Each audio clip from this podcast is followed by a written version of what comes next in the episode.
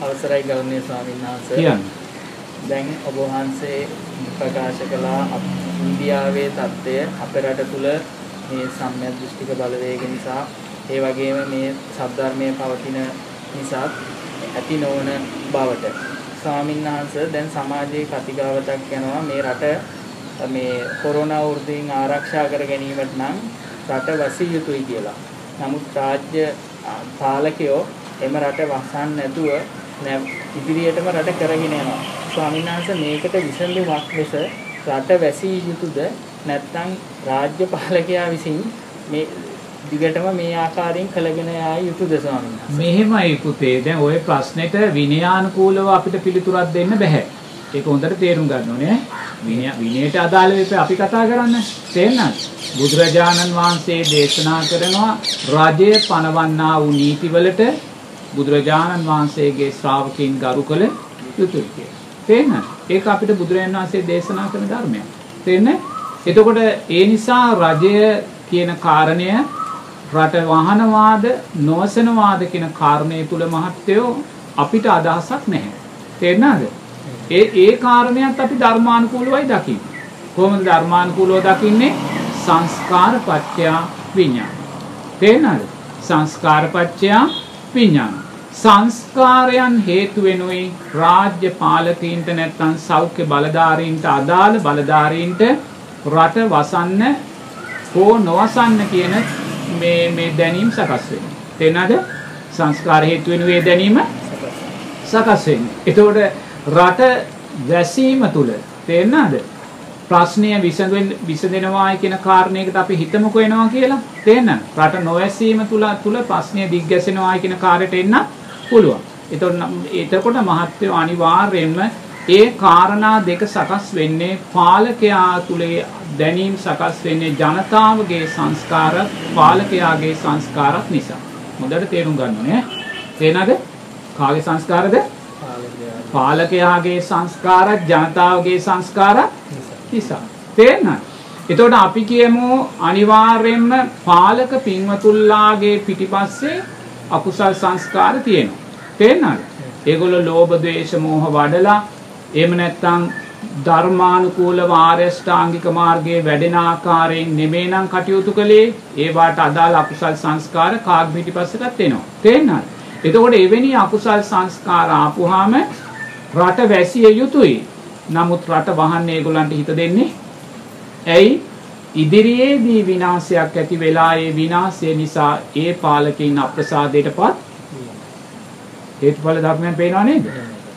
ඒ ඒ එන්න. තේරෙනවද?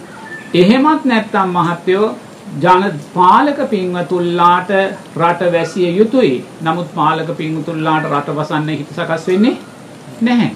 ඒ නිසාම මාත්‍යෝ එවැනි දැනීමක් පාලකයින්ට සකස් වෙන්නේ ජනතාව තුළ ඊට අදාළ අකුසල් විපාකයන් එන්න ඉස්සරහට එන්න පුළුවන් කම එන ඒ දෙපැත්තම තියෙනවා ඈ තේරෙනවද ඒ නිසා බුදුරජාණන් වහන්සේ අපිට දේශනා කරන්න කියන්නේ මහත්යෝ රජය කරන්නා වූ දෙයට ඇඟිලි ගහන්න නෙමෙයි තේරෙනවද මේ ලෝක ධර්මයන් ධර්මානුකූලව දකින්න කියලා තේරෙනවද ධර්මානුකූල මොකද එතන පාලක පින්වතුල්ලාට වෙන අවාසියකුත් තියෙනවා අනිත් පැත්තෙන් ජනතාවට වෙන්නා වූ විනාශයක් අවාසියකුත් ඒ දෙක මෙතන තියෙනවා. ඒ ගන්නා වූ තීරණ තීන්දුව තුල.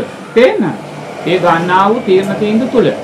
එහෙමනම් මාත්‍යෝ නිරේතුරුවම අපි දක්ෂ වෙන්න ඕනේ මෙවැනි තත්වයන් මෙවැනි බියකරු විනාශයන් මහත්යෝ ලෝකයේ ඇතිවෙච්ච පළවෙනි අවස්ථාව නෙමෙයි. තේරෙනවද? ලෝතුරා බුදුරජාණන් වහන්සේ ජීවමානව ඉද්දිත් විශාලා මානුවර මෙවැනිම විනාශයක් සිද්ධ වුණා. දැන් මේ වින- අපි මේ විනාශයන් සූත්‍රගත ධර්මයෙන් කියවනකොට සාමින් වහන්සේලා සද්ධර්මයට දේශනා කරනකොට සමහර අය විශ්වාස කරන්නේ නැහැ. විශ්වාස නොකරපු ගොඩක් අය හිටියා. මොන පිස්සුද එහෙම කොහොමද වෙන්නේ? විශාලා මහනුවර මේ විදිය විනාශයක් වෙන්න මේ විදිය මල කඳන් ගොඩ නැගෙන්න මේ නිසා මේ විදිය මල කඳන් ගොඩ නැගිලා මේ මල කඳන් කුණු වෙලා මේවාට මිනී කන යක්ෂයෝ යක්ෂණුයි ඇවිල්ලා මේ මුළු බිමම මේ විදිය සෝහන් බිමක් වෙනවා කියන කාරණේ අපිට විශ්වාස කරන්නේ නැහැ. එහෙම කියන අය කොච්චර හිටියද? නේද?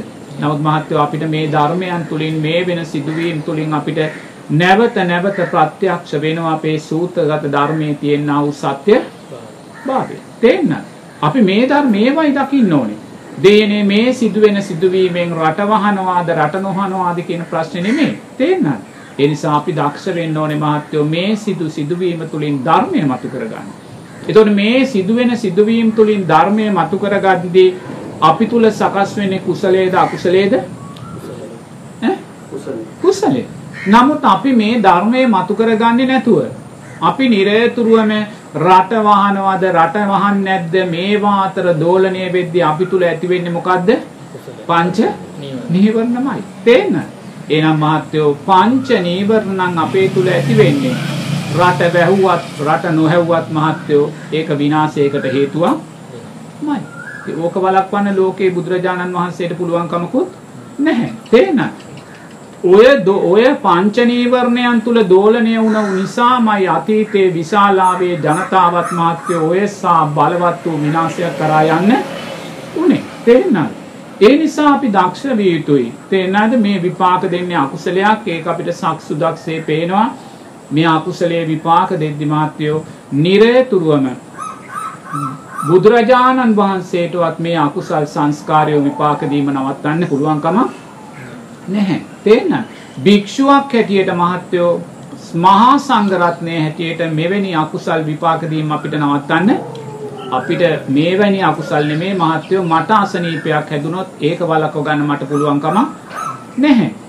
ඔබලාට අසනීපයක් හැදුනොත් ඒක වළක්වන්න අපිට පුළුවන්කම නැහැ.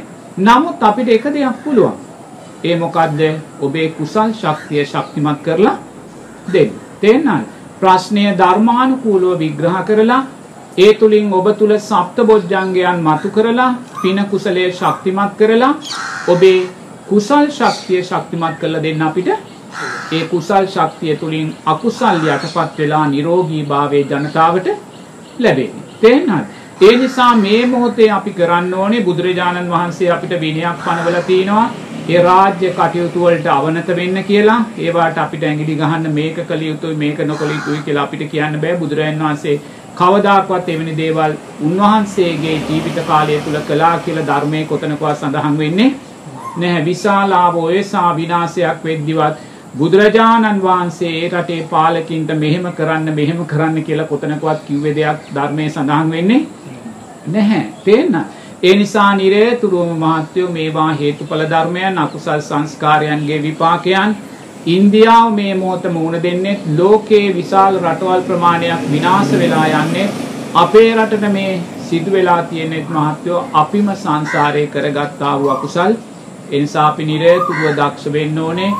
ඔය ප්‍රශ්න කරා හබාගෙන යන්නේ නැතුව තේරෙනවද සමාජය තුළ මතුවෙන ප්‍රශ්න කරා හබාගෙන ගිහිල්ලා අපි තව තව අකුසලයට කොටු වෙලා තව තව විනාශය කරා යන්නේ නැතුව මේ කාරණය තේරුම් ගත්ත පින්වතුල්ලා හරි නිරේතුරුවම සමාජය තුල සිදුවෙන මේ සිදුවීම් දැකලා මේවා තුලින් තවදුරටත් පංච නීවන ශක්තිමත් කරගන්න නැතුව තම තමන් හෝ ධර්මානුකූලව හිතලා තම තමන්ගේ ආරක්ෂාව සාතික කරගන්න තම තමන් දක්ෂ වෙන්න ඕනේ. තේරෙනවද? තම තමන් දක්ෂ වෙන්න ඕනේ. මොකද ඒ පාලක පින්වතුල්ලාට ඒ තීරණ තීන්දුව ගන්න හිත සකස් වෙන්නේ මහත්වය මං නැවතත් කියනවා සංස්කාර පත්‍ය විඥාන කියන ධර්මතාවය තුලින්ම. ඒකමයි හේතුව ඈ. ඒ නිසා නිරේතුරුවම බුදුරජාණන් වහන්සේ දේශනා කළ තියෙන ආකාරයට බුදුරජාණන් වහන්සේ දේශනා කළ තියෙනවනේ රාජ්‍ය පාලකතුමෙකුට සමගියෙන් රැස් වෙන්න සමගියෙන් සාකච්ඡා කරන්න සමගියෙන් විසිර යන්න. තේරෙනවද ඒ නිසා නිරේතුරුව මේ බුදුරජාණන් වහන්සේ දේශනා කළා වූ ඒ උතුම් ධර්මයට අදාළව ඒ ධර්ම කාරණා අපේ දේශපාලනයට අපි ලං කරගත්තොත් ඒ වාතුලින් අපේ රාජ්‍ය පාලනය පෝෂණය කරගත්තොත් මහත්වෝ හැම ගෙනාගේම අදහස් වලට ගරු කරමින් අපි තීන්දුව తీරන ගත්තොත් ওই ප්‍රශ්න ඔය ආකාරයෙන් දිග්ගැහෙන්නේ නැති වෙන්න තියෙන්න පුළුවන්. කම තියෙනවා. තියෙනවා. තේරෙනවද තේරෙනයි? ඒ ඊට අදාළව බුදුරජාණන් වහන්සේගේ ධර්මයට අදාළව අපි තීන්දුව తీරන ගත්තනම් ඈ සමගියෙන් රැස් වෙලා සමගියෙන් සාකච්ඡා කළා සමගියෙන් විසිර යන තැනට අපි කටයුතු කරා නම් දැන් ප්‍රශ්න වෙලා තියෙන මාත්‍රෝ අපේ රටේ එහෙම සමගියක් නැහැ. තේරෙනවද? පක්ෂ පක්ෂ අතරත් සමගියක් නැහැ. නිලධාරීන් නිලධාරීන් අතරත් සමගියක් නැහැ. ඒ නිසා ධර්මානුකූල ඒ දේශපාලන දේශපාලනය උදෙසා බුදුරජාණන් වහන්සේ දේශනා කළා තියෙන ඒ කිසිම අර්ථවත් ධර්මයක් දේශපාලනය තුල අපි දකින්නේ නැහැ. ඒ නිසා මහත්වෝ ඒවැ විපාකයන් සමාජගත වෙනවා. තේරෙනවද? ඒවැ විපාකයන් සමාජගත වෙනවා. ඒ නිසා ඒ විපාකයන් සමාජගත වෙද්දී අපිට තියෙන්නේ ප්‍රශ්න තව තව අවුලවන්න නෙමෙයි. තේරෙනවද? අනුන්ගේ පංච උපාදානස්කන්ධයන් තෘෂ්ණාවෙන් ගිනි ගනිද්දී ඒ ගින්නෙන් අපේ පංච උපාදානස්කන්ධ ලෝකේ අපි අවුලා ගත යුතු නැහැ. තේරෙනවද? ඒ ගිනි ගනිද්දී ඒ ගිනි ධර්මානුකූලව දැකලා අපේ ගිනි නිවා ගැනීමයි අපි මේ මොහොතේ කළ යුත්තේ. තේරෙනවද? ඒ නිසා ඔබ තෙරුවන් කෙරෙහි ශ්‍රද්ධාව තුල ජීවත් වෙන කෙනෙක් නම් නිරතුරුවම සීලේ ශක්තිය, මෛත්‍රියේ ශක්තිය ජීවිතයට එකතු කරගත්ත කෙනෙක් නම් මොනම හේතුවක් නිසාවත් ඔබ බියක් ඇති කරගත යුත්තේ නැහැ. තේරෙනවද? මොන ආණ්ඩුව රට වහන්න තීරණ ගත්තත් නොවහන්න තීරණය ගත්තත් ඔබ බියක් ඇති කරගත යුත්තේ බුදුරජාණන් වහන්සේ දේශනා කරනවා මහා වැස්සක අර කුඩයක් ඉහළගෙන යන කෙනා ඒ වැස්සෙන් ආරක්ෂා වෙනවා වගේ ඔබ ධර්මය ඔබේ ජීවිතයට සරණ කරගත්තොත් පවතිනා ඕනෑම තත්වකින් ඔබ ආරක්ෂා වෙනවා කියලා. නමුත් ඉතින් බලවත් අකුසල් විපාකෙට ආවොත් මහත්තයෝ ඒක ආරක්ෂා වීම පිළිබඳ සහතිකයක් ඒක ඉතින් බුදුරයන් වහන්සේටත් වළක්වන්න පුළුවන් කමක් නැහැ. තේරෙනවද? කොයිසා මහා වැස්සේ කුඩයක් අරන් ගියත් අපිට හිරිකිඩ වලට අපි යම් ප්‍රමාණයකට හෝ තෙමෙනවා. ඒ වගේ අපි කොයිසා සුන්දරව ධර්ම මාර්ගයේ තුල ගමන් කළත් අතීතයේ ශක්තිමත් අකුසලයක් විපාකයට ආවොත් අපිට ඒ පිළිබඳ කරන්න දෙයක් නැහැ. ඒක අපි කාටත් පොදු දෙයක්. ඒ නිසා අපි දක්ෂ වෙන්න ඕනේ කුසලය තුල ආර්ය ශ්‍රාංගික මාර්ගයේ තුල ශක්තිමත් වෙලා මේ අභියෝගය ජය ගන්න. තේරෙනවද? නමුත් ඉතින් මේ අභියෝගයේ ජය ගන්න ආර්ය ශ්‍රාංගික මාර්ගයේ ශක්තිය හොයන පිරිස තමයි සමාජයේ ඉන්න අඩුම පිරිස. ඒක තමයි අඩුම පිරිස. නමුත් අපි දක්ෂ වෙන්න ඕනේ අඩුම පිරිස හරි එකතු වෙලා නිරතුරුවම මේ දුක සකස් වෙන්නේ ජනතාවගේම තෘෂ්ණාව නිසායි. ජනතාවගේම තෘෂ්ණාව නිසායි ධර්මයට අදාළව හිතන්නේ පාලක පින්වතුන්ලාගේම තෘෂ්ණාව නිසායි. බුදුරජාණන් වහන්සේ දේශනා කළා වූ ධර්මයට අදාළව කටයුතු කරන්නේ නැහැ. තේන්නද? එක එක එක එක තම තමන්ගේ පොදු තම තමන්ගේ පෞද්ගලික කාලසටහන් වලට අදාළව තමයි සියල්ල සිද්ධ වෙන්නේ. ඉතින් ඒවා මහත්වෝ අපේ අකුසල් සංස්කාර ඒ නිසයි බුදුරජාණන් වහන්සේ කියන්නේ කවදාක්වත් මේ ලෝකයක දශමයක්වත් අපිට හදන්න පුළුවන් කමක් නැහැ. මොකද ලෝකය කියන්නේ අවිද්‍යාවේ ඵලයක්, ලෝකය කියන්නේ තෘෂ්ණාවේ ඵලයක්. ඒ නිසා ලෝකය නිවැරදි කරන්න අපිට බෑ. නිවැරදි නොවන ලෝකය දැකලා අපි දක්ෂ වෙන්න ඕන මාත්‍යෝ අපිවත් නිවැරදි භාවයට අපි නිවැරදි වෙනවා කියන්නේ අපි මේ සිදුවෙන සිදුවීම් තුලින් මොනම හේතුවක් නිසාවත් පංච නීවරණයන් ඇති කරගන්න එපා. තේරෙනවද? හැම වෙලාවම ධර්මයේ කෙරෙහි සිහිය පිහිටවලා සතිය සිහිය ඇති කරගෙන නිරේතුරුවම සප්ත බොජ්ජංගයන් වැඩෙන තැනට ගියොත් අපි ජීවත් වෙන්නේ මාත්‍යෝ නිරේතුරුවම ප්‍රීතිය පස්සද්ධිය තුල. තේරෙනවද? ප්‍රීතිය පස්සද්ධිය අද සමාජයේ දිහා බැලුවොත් මහත්යෝ 100ක් ගත්තොත් ඒ 100න් මහත්යෝ 99ක් කියන්නත් බෑ 100ම ජීවත් වෙන්නේ විසුරුණා වූ සිතේ. තේරෙනවද? එහෙමත් නැත්නම් කොහොමද ජීවත් වෙන්නේ? කාමච්ඡන්දයක් තුල. ඇස පිනවීම උදෙසා සමාජයේ දුවනවා. කනනාසය දිව ශරීරයේ මනස පිනවීම උදෙසා කොයිසා නීති රීති දැම්මත් ඒ නීති රීති කඩාගෙන ජනතාව ගමන් කරනවා. ඉතින් මොකද්ද මේකට කියන්නේ? පංච නීවර. ඉතින් පංච නීවරණ තියෙන තැන මහත්වෝ අපි අධර්මයේ තුල ඉන්නේ. අධර්මයේ තුල අපිට ධර්මයක් බලාපොරොත්තු වෙන්නේ ඒ නිසයි රට මේසා විනාශයකට මෙච්චර දුරක් ඇවිල්ලා තියෙන්නේ. තේරෙනවද?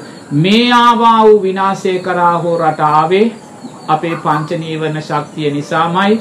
අපි මේවා මුලින්ම සමගියෙන් රැස් වෙලා සමගියෙන් සාකච්ඡා කරලා සමගියෙන් විසිරිලා ඒ සමගියෙන් සාකච්ඡා කරලා ගත්තා වූ තීන්දුව තීරණ සමගියෙන් ක්‍රියාත්මක කළා නම් මාත්‍ය මේ ප්‍රශ්නේ මතුවෙන්නේ මේ ප්‍රශ්නේ මතුවෙන්නේ නැහැ. නමුත් එක එක්කනාගේ පෞද්ගලික කාලසටහන් වලට අදාළව කටයුතු කරන්න යද්දී එහෙම සිද්ධ වෙන්නේ අතීත අකුසල් සංස්කාරයන් නිසාමයි. ඒ නිසා සමාජයේ කොතනකවත් වරදක් නැහැ. මොනසා රට වැව්වත් රට නොහැව්වත් සමාජය තුල මම නම් වරද්දක් දකින්නේ නැහැ. ඊට වැරදිකරු අවිද්‍යාව නිසා සකස් වෙන සංස්කාරත් සංස්කාර නිසා සකස් වෙන පටිච්ච සමුප්පන්න විඥානයත් කියන දැනීම් කියන කාරණය තමයි මහත්වෝ මේකට වගකිව තේරෙනවද ඒ නිසා ඔබ ඒ හේතුඵල ධර්මයන් දැකලා අවිද්‍යා පත්‍යා සංඛාරා සංඛාර පත්‍යා විඥානං උතනයි ප්‍රශ්නේ මුල. ඒ නිසා ඔය ප්‍රශ්නේ මුල දිහා බලන්න කවදාකවත් පුද්ගල සංඥාවන්ට ඇඟිල්ල දික් කරන්න යන්නේ තේරෙනවද? ඔබ පුද්ගල සංඥාවට ඇඟිල්ල දික් කරන්න ගියොත් ඔබ අවිද්‍යාව නිසාම ඔබත් අවිද්‍යාවම ජීවිතයට එකතු කරගත්ත කෙනෙක් බවට. එතකොට ඒ අවිද්‍යාව ඔබ තුල වැඩෙද්දී ඔබ තුල සකස් වෙන්නේ අකුසල් සංස්කාරමයි පංච නීවරණයට අදාළ සංස්කාර. ඒ පංච නීවරණයන්ට අදාළ සංස්කාර ඔබට නැවත නැවත දැනීම් සකස් කරලා දෙන්නේ හිත තව තව විසිරෙන දිශාව. තේරෙනවද ඒ හිත විසිරෙනකොට මොකද්ද වෙන්නේ? අපි නිරේතුරුවම බයෙන් නම් ජීවත් වෙන්නේ අපි නිරේතුරුවම තැති ගැනීමෙන් නම් ජීවත් වෙන්නේ අපි නිරේතුරුවම විචිකිච්ඡාවෙන් නම් ජීවත් වෙන්නේ. මාත්‍යෝ ඒ කෙනාගේ ලේ ධාතුව අපිරිසිදු ලේ ධාතුව රත් වෙනවා. ලේ ධාතුව කැකෑරෙනවා. ලේ ධාතුව ස්වභාවික භාවයෙන් තොර වෙනවා. තේන්නද එහෙම වෙද්දි මහත්යෝ නිරේතුරුවම එයා තැතිගත් කෙනෙක් බවට පත් වෙනවා. ජීවිතයෙන් ප්‍රසන්න භාවය අතුරුදහන් වෙලා යනවා. ජීවිතයේ ඉදිරියේ ප්‍රශ්නාර්ථයක් තියාගෙන යා ජීවත් වෙන්නේ. ලේ ධාතුව අපිරිසිදුයි. ඒ නිසාම ලේ ධාතුව අපිරිසිදු වෙද්දි මහත්යෝ බාහිරින් එන්නා වූ ඕනෑම විස බීජයක් එක්ක සටන් කිරීමේ ශක්තිය ප්‍රතිශක්තිය ජීවිතේ නැතුව තේන්න. ඒක තමයි බලවත් ආකාරයෙන් රෝගාබාධ අපේ ජීවිත වෙලා ගන්න. තේන්න. ඒ නිසා අපි දක්ෂ වෙන්න ඕනේ අපේ ජීවිතේ ප්‍රතිශක්තිය ශරීරය තුල තියෙන ප්‍රතිශක්තිය අපි තව තව ශක්තිමත් භාවයට පත් කරගන්න. ඒ ප්‍රතිශක්තිය ශක්තිමත් භාවයට පත් කරගන්න නම් නිරතුරුවම අපේ ලේ ධාතුව පිරිසිදු වෙන්න ඕන. ස්වභාවික ආකාරයෙන් ශරීරයේ කාය සංස්කාරයෝ ක්‍රියාත්මක වෙන්න ඕන. කාය සංස්කාරයෝ ස්වභාවික ආකාරයෙන් ක්‍රියාත්මක වෙන්න නම් වචී සංස්කාරයෝ මනෝ සංස්කාරයෝ ධර්මානුකූල දිශාවකට අපි අරගෙන යන්න ඕනේ. තේන්න. ඒ නිසා අපි මේක මේ සාමාන්‍ය පැහැදිලි මේ ධර්මානුකූල පැහැදිලි කිරීමක් මහා ගැඹුරු දැනක් නෙමෙයි ඈ. ඒ නිසා අපි නිරතුරුව දක්ෂ වෙන්න ඕනේ අපේ ජීවිතේට මේ මොහොතේ ආයුෂය වර්ණය සැපේ බලය එකතු කරගන්න. තේරෙනවද? රට වහනවාද රට නොහනවාද කියන ප්‍රශ්නේ මේවා ඒ පාලකයන්ට වගකීම්කන්ට බාර දීලා අපිට තියෙන්නේ ඒ අය ගන්න කුමන තීරණයකදී හෝ වේවා ප්‍රශ්නයක් නෑ අපිට ඒ තීරණය අපි තීරණ තීන්දුව ගන්න පිළිස් නෙමෙයි අපිට ඒ හැකියාවක් නැහැ. ඒ නිසා අපිට තියෙන්නේ මහත්යෝ ඒ අයගේ තීරණ තීන්දුව කුමක් වේවා අපිට ප්‍රශ්නයක් නෑ. අපි ධර්මානුකූල තීන්දුව තුළ අපේ ජීවිත අපි ශක්තිමත් කරගන්න එකයි අපිට තියෙන්නේ. හරි. තෙරුවන් සරණයි